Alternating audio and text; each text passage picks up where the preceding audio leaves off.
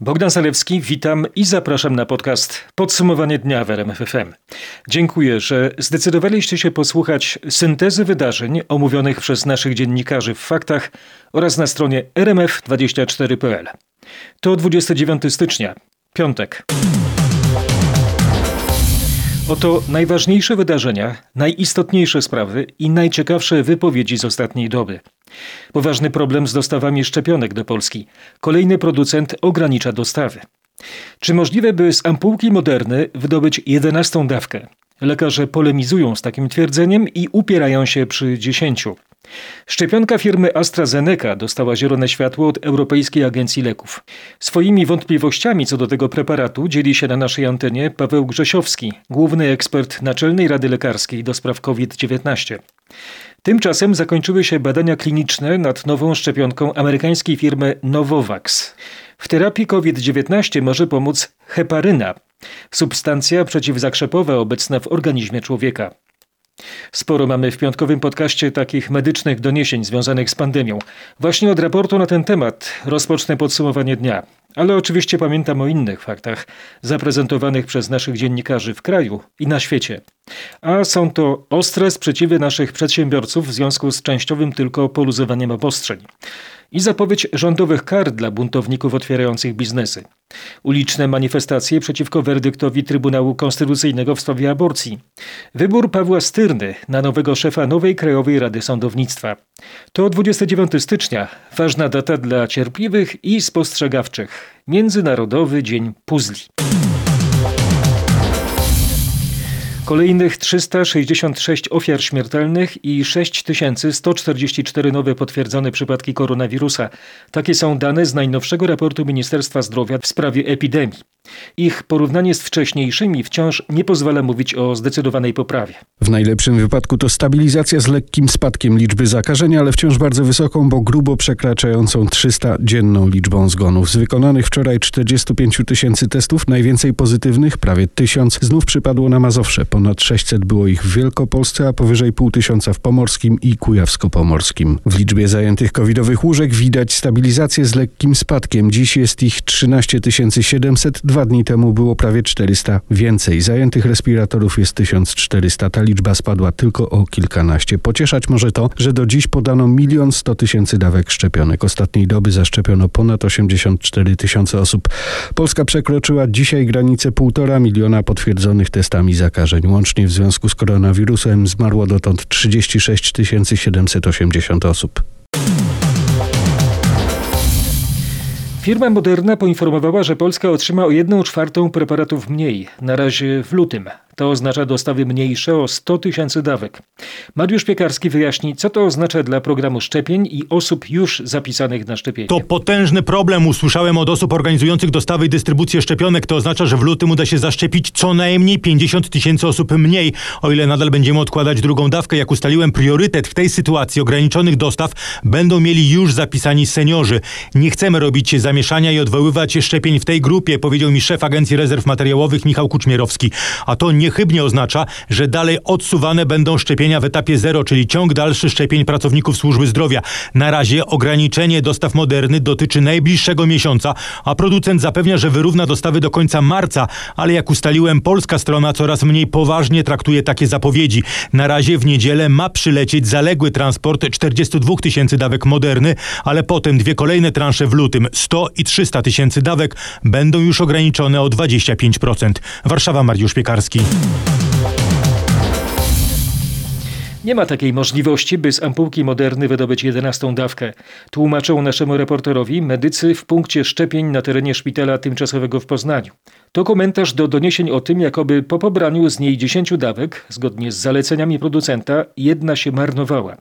Od prawie tygodnia zarówno przedstawiciele tzw. Tak grupy zero oraz seniorzy w stolicy Wielkopolski są szczepieni właśnie preparatem Moderny. Czy Państwo macie taką wiedzę, że tam cokolwiek w tej fiolce e, zostaje? Ze szczepionek Moderny już się więcej nie uda wyciągnąć, tak tak jak rzeczywiście w kontekście szczepionek Pfizera po pięciu dawkach początkowo bezwzględnie udaje się zaszczepić sześciu pacjentów. Na 500-700 jest, jest jedna trudniejsza dawka do, do, do wyzyskania. W przypadku Moderny jest to bezwzględnie 10. Jest łatwiejsza w przygotowaniu, też ona jest łatwiejsza w przechowaniu. Nawet gdyby to technicznie było możliwe i zauważono to, y, to takie podanie, dopóki nie będzie zgody Europejskiej Agencji Medycznej, byłoby niemożliwe i na pewno tego e, w naszym punkcie nie będziemy robić. Usłyszał nasz reporter Mateusz Chłystun od doktora habilitowanego Szczepana Cofty, dyrektora szpitala imienia Przemienienia Pańskiego w Poznaniu oraz profesora Andrzeja Tykarskiego, rektora tamtejszego Uniwersytetu Medycznego. Kolejna trzecia szczepionka przeciwko COVID-19 otrzymała zielone światło od Europejskiej Agencji Leków. To preparat firmy AstraZeneca. W podcaście Bruksela i Katarzyna Szymańska-Borginon. Jaka jest decyzja agencji w sprawie skuteczności tej szczepionki u osób starszych? Agencja zatwierdziła ją dla osób powyżej 18 roku życia. Przyznała, że przeprowadzono niewiele badań klinicznych u osób powyżej 55 roku życia. Jednak agencja nie zdecydowała się na ograniczenia wiekowe. Agencja tłumaczy, że oczekuje się jednak ochrony także u osób powyżej 55 roku, biorąc pod uwagę, że odpowiedź immunologiczną obserwuje się w tej grupie wiekowej i na podstawie doświadczeń z innymi szczepionkami. Szczepionkę AstraZeneca będzie się podawać w dwóch dawkach. Druga dawka będzie musiała być podana między czwartym a dwunastym tygodniem po pierwszej. Do transportu oraz przechowywania wystarczy temperatura 2 do 8 stopni Celsjusza. Może więc być trzymana w zwykłej lodówce przez co najmniej 6 miesięcy. Z jednej strony jest dużo tańsza i łatwiejsza w użytkowaniu, a z drugiej strony są wątpliwości, czy badania kliniczne objęły wystarczająco liczne grupy pacjentów w odpowiednim wieku.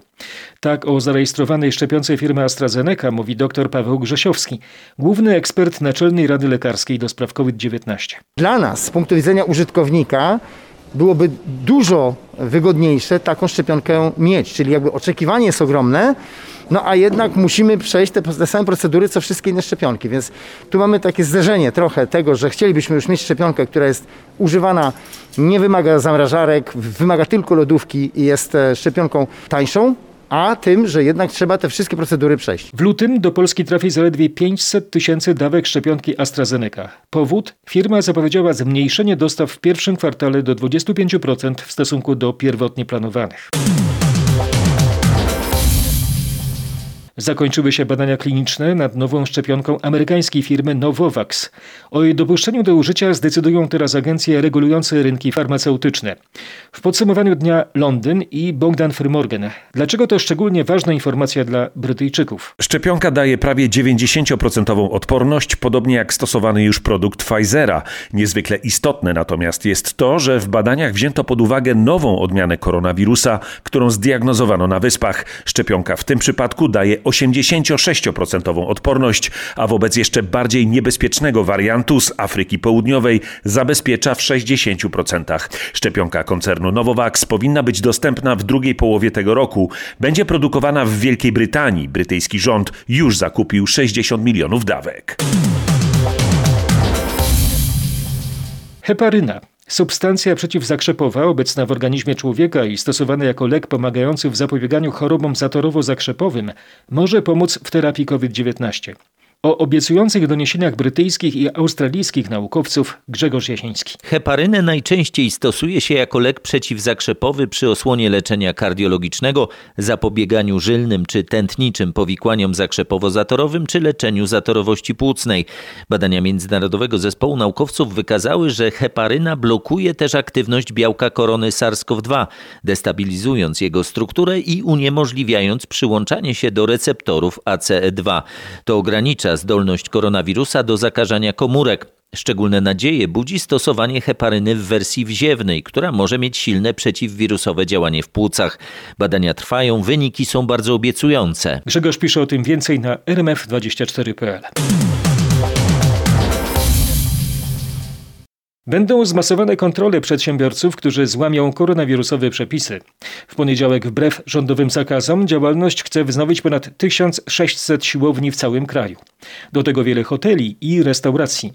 Dziesiątki, a może nawet setki kolejnych firm branży turystycznej otworzą się w najbliższy weekend, mimo zakazów pandemicznych, zapowiada Gerard Wolski z inicjatywy Wolni Przedsiębiorcy. Ludzie nie mają wyjścia, ludzie nie mają na opał, ludzie nie mają na prąd, ludzie nie mają na jedzenie. Tu całe rodziny za chwilę zaczną głodować i to nie tylko mówię o Podhalu, ja mówię o całej Polsce, o wszystkich miejscowościach turystycznych i, i tego rządzący jakoś nie widzą. Oni się nami w ogóle nie, nie liczą, dlatego się nie liczą, po prostu dostaliśmy od nich w twarz. Można powiedzieć, że nas uderzyli w twarz swoim zachowaniem, arogancją i bezczelnością taką, jaką do nas podchodzą, bo tego się już inaczej nie da określić. Jak urzędnik państwowy z sanepidu powiedział, że mamy teraz przegłodować po to, żeby potem się najeść. Niech przyjedzie, nie pogoduje ze mną, niech pogoduje z moją rodziną. Proszę bardzo.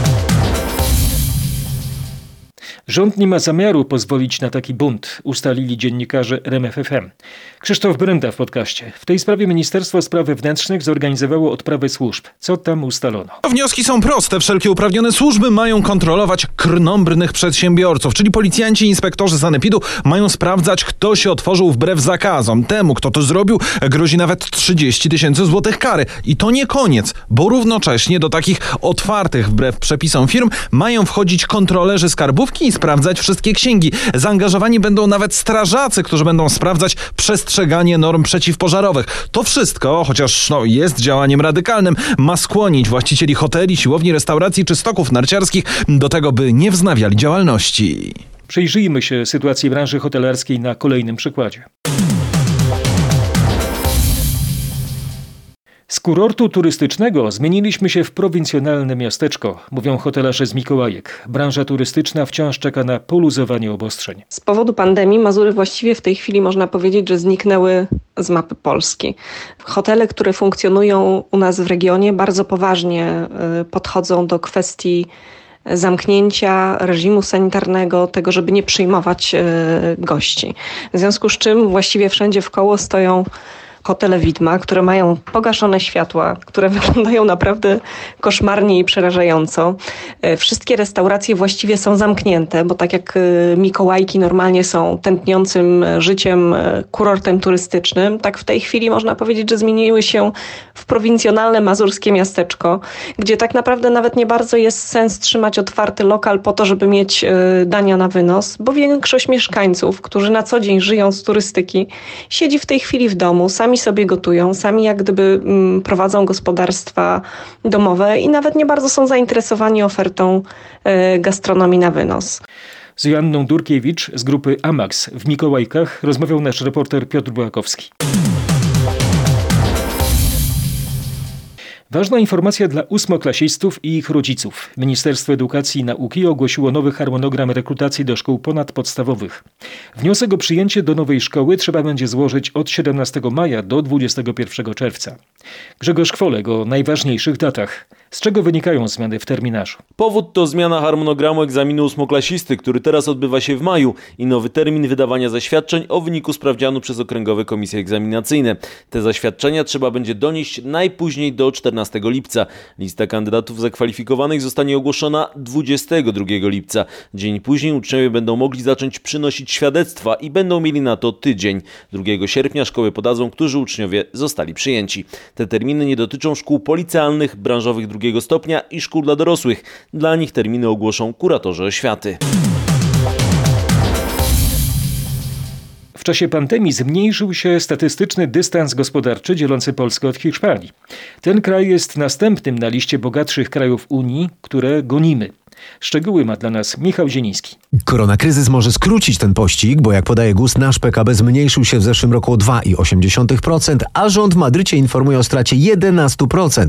Jak wskazują statystyki Międzynarodowego Funduszu Walutowego, oznacza to, że PKB na głowę Hiszpana z uwzględnieniem poziomu cen to teraz nieco ponad 41 tysięcy dolarów, a Polaka ponad 36 tysięcy. Zbliżyliśmy się też mocno do Włochów, gdzie po niemal równie głębokim co w Hiszpanii spadku w minionym roku dochód narodowy na głowę przeliczony na siłę nabywczą to nieco ponad 43 tysiące dolarów. Oznacza to też, że Czechy, gdzie PKB spadł w zeszłym roku o 5%, zrównały się z Włochami już wyraźnie wyprzedzają Hiszpanię. Teraz Czechy mogą przymierzać się do pogoni za Francją. Co w Holandii ogranicza tempo szczepień przeciwko COVID-19? Fakt, że każdy podczas przyjmowania szczepionki chce sobie zrobić selfie. To nie żart. O takiej nowej modzie poinformował szef Stowarzyszenia Tamtejszych Szpitali. Jego zdaniem, gdyby nie ta moda i inne opóźniające czynniki, można by w Holandii zwiększyć liczbę zaszczepionych nawet do pół miliona w ciągu tygodnia. Manifestanci trzeci dzień protestowali na ulicach polskich miast przeciwko werdyktowi Trybunału Konstytucyjnego w sprawie aborcji. Na rmf24.pl znajdziecie bogaty, multimedialny raport na temat tych demonstracji. W podcaście przywołam tylko wieczorną relację naszego reportera Michała Dobrowicza sprzed siedziby Trybunału Konstytucyjnego. W czwartek protestowało tam półtora tysiąca osób. A co działo się w piątek? Gmach Trybunału otoczony jest barierkami, obok stoi grupa policjantów, kilkanaście policyjnych radiowozów zaparkowało też na sąsiednich ulicach Litewskiej, Bagatela, a także w okolicy Placu Unii Lubelskiej. Na razie jest tutaj spokojnie. Spotkałem jednak kobiety, które idą właśnie tą trasą w kierunku głównej manifestacji, na Rondo Dmowskiego. Ja myślę, że to, że dzisiaj to nie jest już tylko e, walka o prawo wyboru, ale to już jest walka o wszystko, o wolność słowa, o demokrację, o konstytucję. To nie chodzi tylko o prawo aborcyjne, to chodzi o wszystko. Kobiety i mężczyźni, którzy idą w kierunku głównej manifestacji, przyznają, że są przygotowani na scenariusz, w którym dziś wieczorem z innymi demonstrującymi wrócą właśnie tutaj, przed Trybunał Konstytucyjny.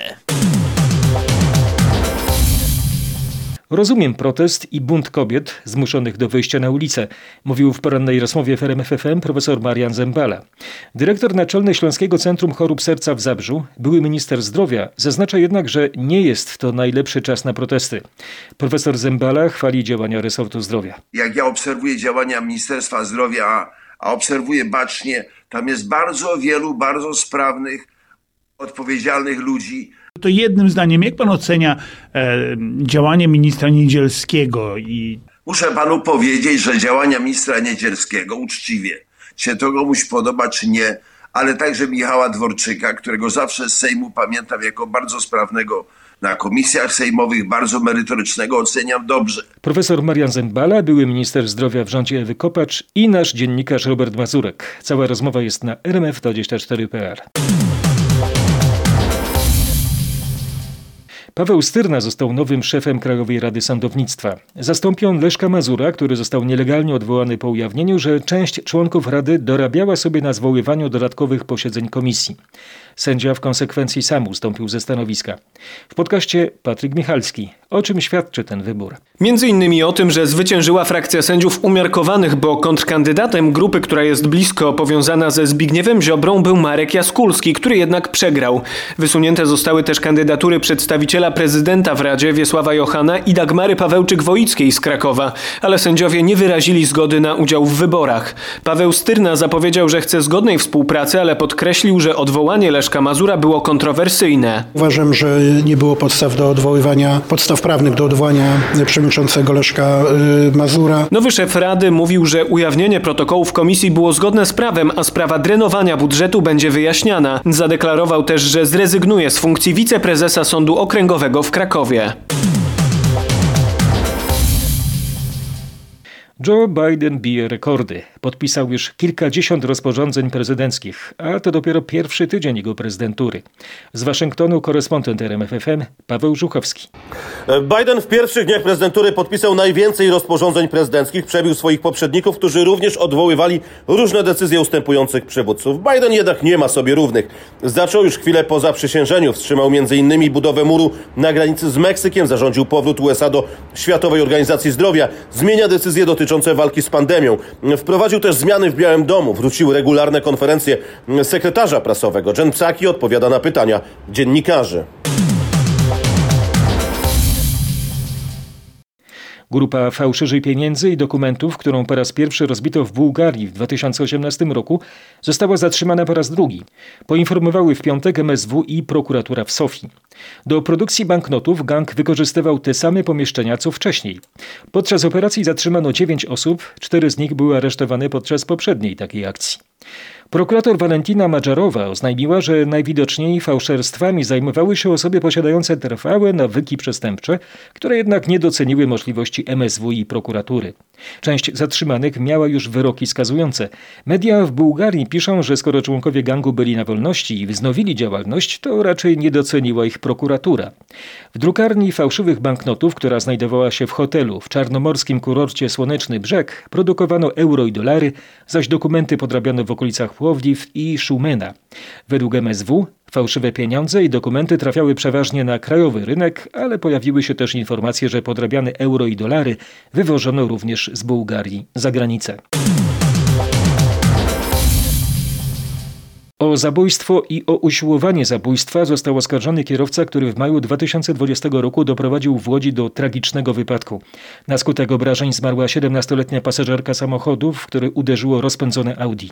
Ranne zostały trzy osoby, w tym dwoje dzieci. Co ustalili śledczy, przekaże Magdalena Greinert. Mężczyzna jechał za szybko, był nietrzeźwy i nie miał uprawnień do prowadzenia samochodu. 30 maja jechał aleją włókniarzy, jak wyliczyli biegli z prędkością 85 km na godzinę. Wjechał na skrzyżowanie z ulicą Legionów i uderzył w prawidłowo jadącego Fiata Brava, którym podróżował mężczyzna z trójką swoich dzieci. Siła uderzenia była tak duża, że Fiat został odrzucony na kilkanaście metrów. Obrażenia odniosły wszystkie dzieci, najpoważniejsze 17-latka, której nie udało się uratować. 16 czerwca zmarła w szpitalu. Prokuratura zaostrzyła zaostrzyła zarzuty. Są bowiem podstawy do przyjęcia, że oskarżony w rażący sposób, naruszając umyślnie zasady bezpieczeństwa w ruchu lądowym, wjeżdżając w stanie nietrzeźwości z nadmierną prędkością na ruchliwe skrzyżowanie, po którym prawidłowo poruszały się inne pojazdy, godził się z powstaniem skutków w postaci śmierci. Mówi Krzysztof Kopania z prokuratury okręgowej w Łodzi. Podejrzany przyznał się do winy, ale twierdzi, że był przekonany, że ma zielone światło.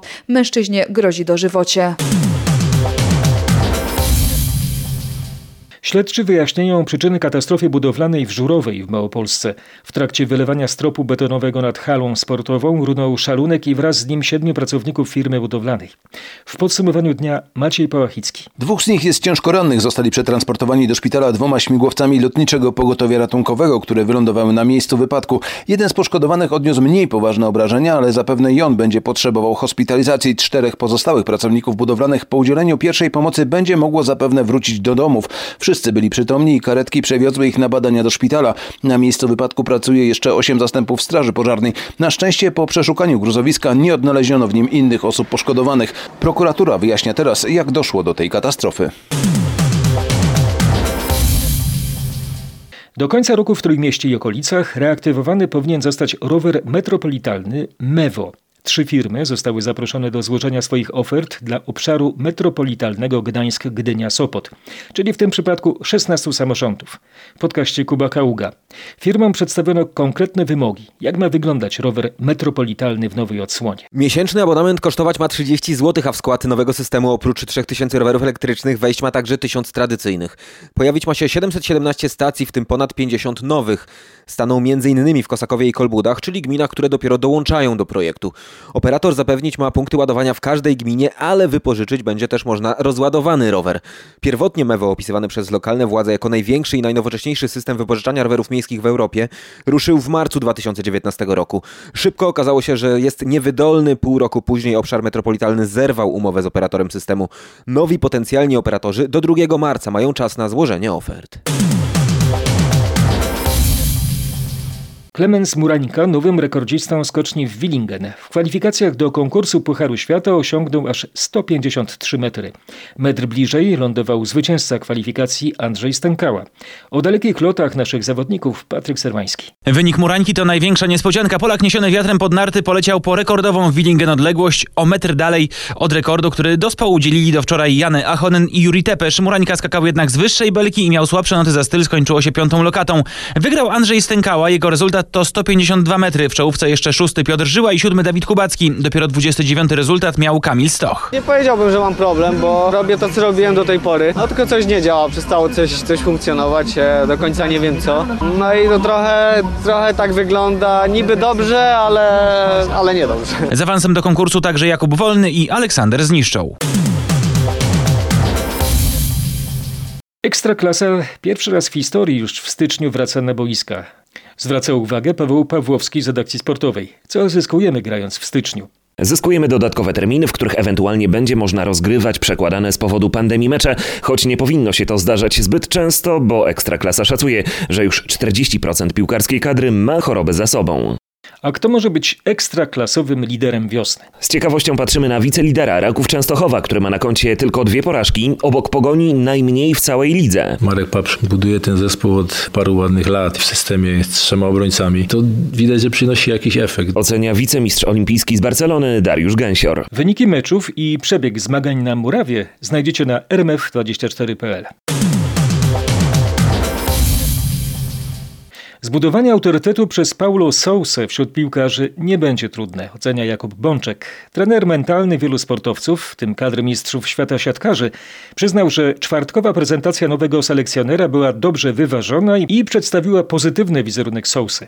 Teraz czas na zapoznanie się z piłkarzami. Mamy coś takiego w sobie jako naród, trudno mi to wyjaśnić, że kiedy trenerem staje się szkoleniowiec z zagranicy, dużo częściej mamy takie przekonanie, że trzeba walczyć, trzeba udowodnić, trzeba się zaangażować. Są to często też osoby spoza takiego świadka polityczno-towarzyskiego. Dość łatwo zagranicznym trenerom buduje się posłuch wśród polskich sportowców. Cała rozmowa z trenerem mentalnym Jakubem Pączkiem jest na naszej stronie w sieci. A teraz świat kultury, z którym zapozna nas Katarzyna Sobiechowska-Szuchta. Na początek o premierze biegunów według Olgi Tokarczuk w Teatrze Powszechnym w Warszawie. Transmisja w sieci, granej na żywo na dużej scenie premiery biegunów jutro o 19. To spektakl według nagrodzonej m.in. międzynarodowym bookerem powieści Olgi Tokarczuk i w reżyserii Michała Zadary, według którego noblistka opisuje proces poszukiwania sensu życia. Sens ten pojawia się na chwilę, potem znika i ponownie toniemy w chaosie. W obsadzie m.in. Arkadiusz Brykalski, Ewa Skibińska i Barbara Wysocka. Przedstawienie jest koprodukcją z Teatrem Łaźnia Nowa w Krakowie. Teatrze Wielkim w Łodzi jutro wieczór debiutów choreograficznych. Jednym z nich jest spektakl o emocjach. Zmierzyć się z prawdą w choreografii Grzegorza Broszka. Zawsze od niej uciekamy. Czasami wolimy skłamać, pójść gdzieś naokoło, zamiast spojrzeć prawdzie w oczy i powiedzieć, jak naprawdę wszystko wokół nas wygląda i zmierzyć się z tą prawdą. Bezpłatny streaming jutro o 18. 54 tysiące dolarów zapłacono na aukcji w Hongkongu za butelkę 72-letniej szkockiej whisky. Jak smakuje tak kosztowny trunek? Eksperci opisują go tak. Początkowo słodki, z nutami wanilii, truskawki, malin, przechodzącymi w dżem morelowy. Następnie w zapachu wyłaniają się m.in. cynamon, kandyzowana skórka pomarańczy i świeża, delikatna mięta. Nie wiem jak wy, ale ja nie czuję mięty do takiej szkockiej, zwłaszcza tak drogiej. 29 stycznia to Międzynarodowy Dzień Puzli. Udowodniono naukowo, że ich układanie jest korzystne dla mózgu.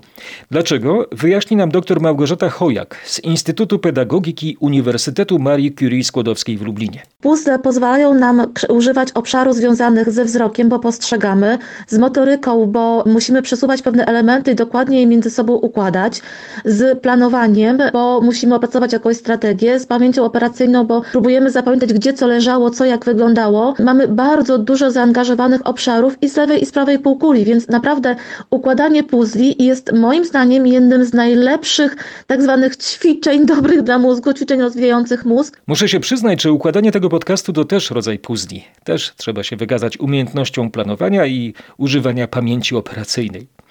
Czy wychodzi z tego obraz, który Was satysfakcjonuje, to już inna sprawa. Mam nadzieję, że tak. Zawsze chętnie czytam Wasze uwagi i staram się na nie od razu odpowiadać. Mój adres bogdan.zalewski.rmf.fm Dziękuję za całe dwa tygodnie. Od poniedziałku będę prowadził poranne fakty. Zapraszam bardzo serdecznie. Pozostańcie wierni. RMF On, RMF24.pl oraz RMF FM.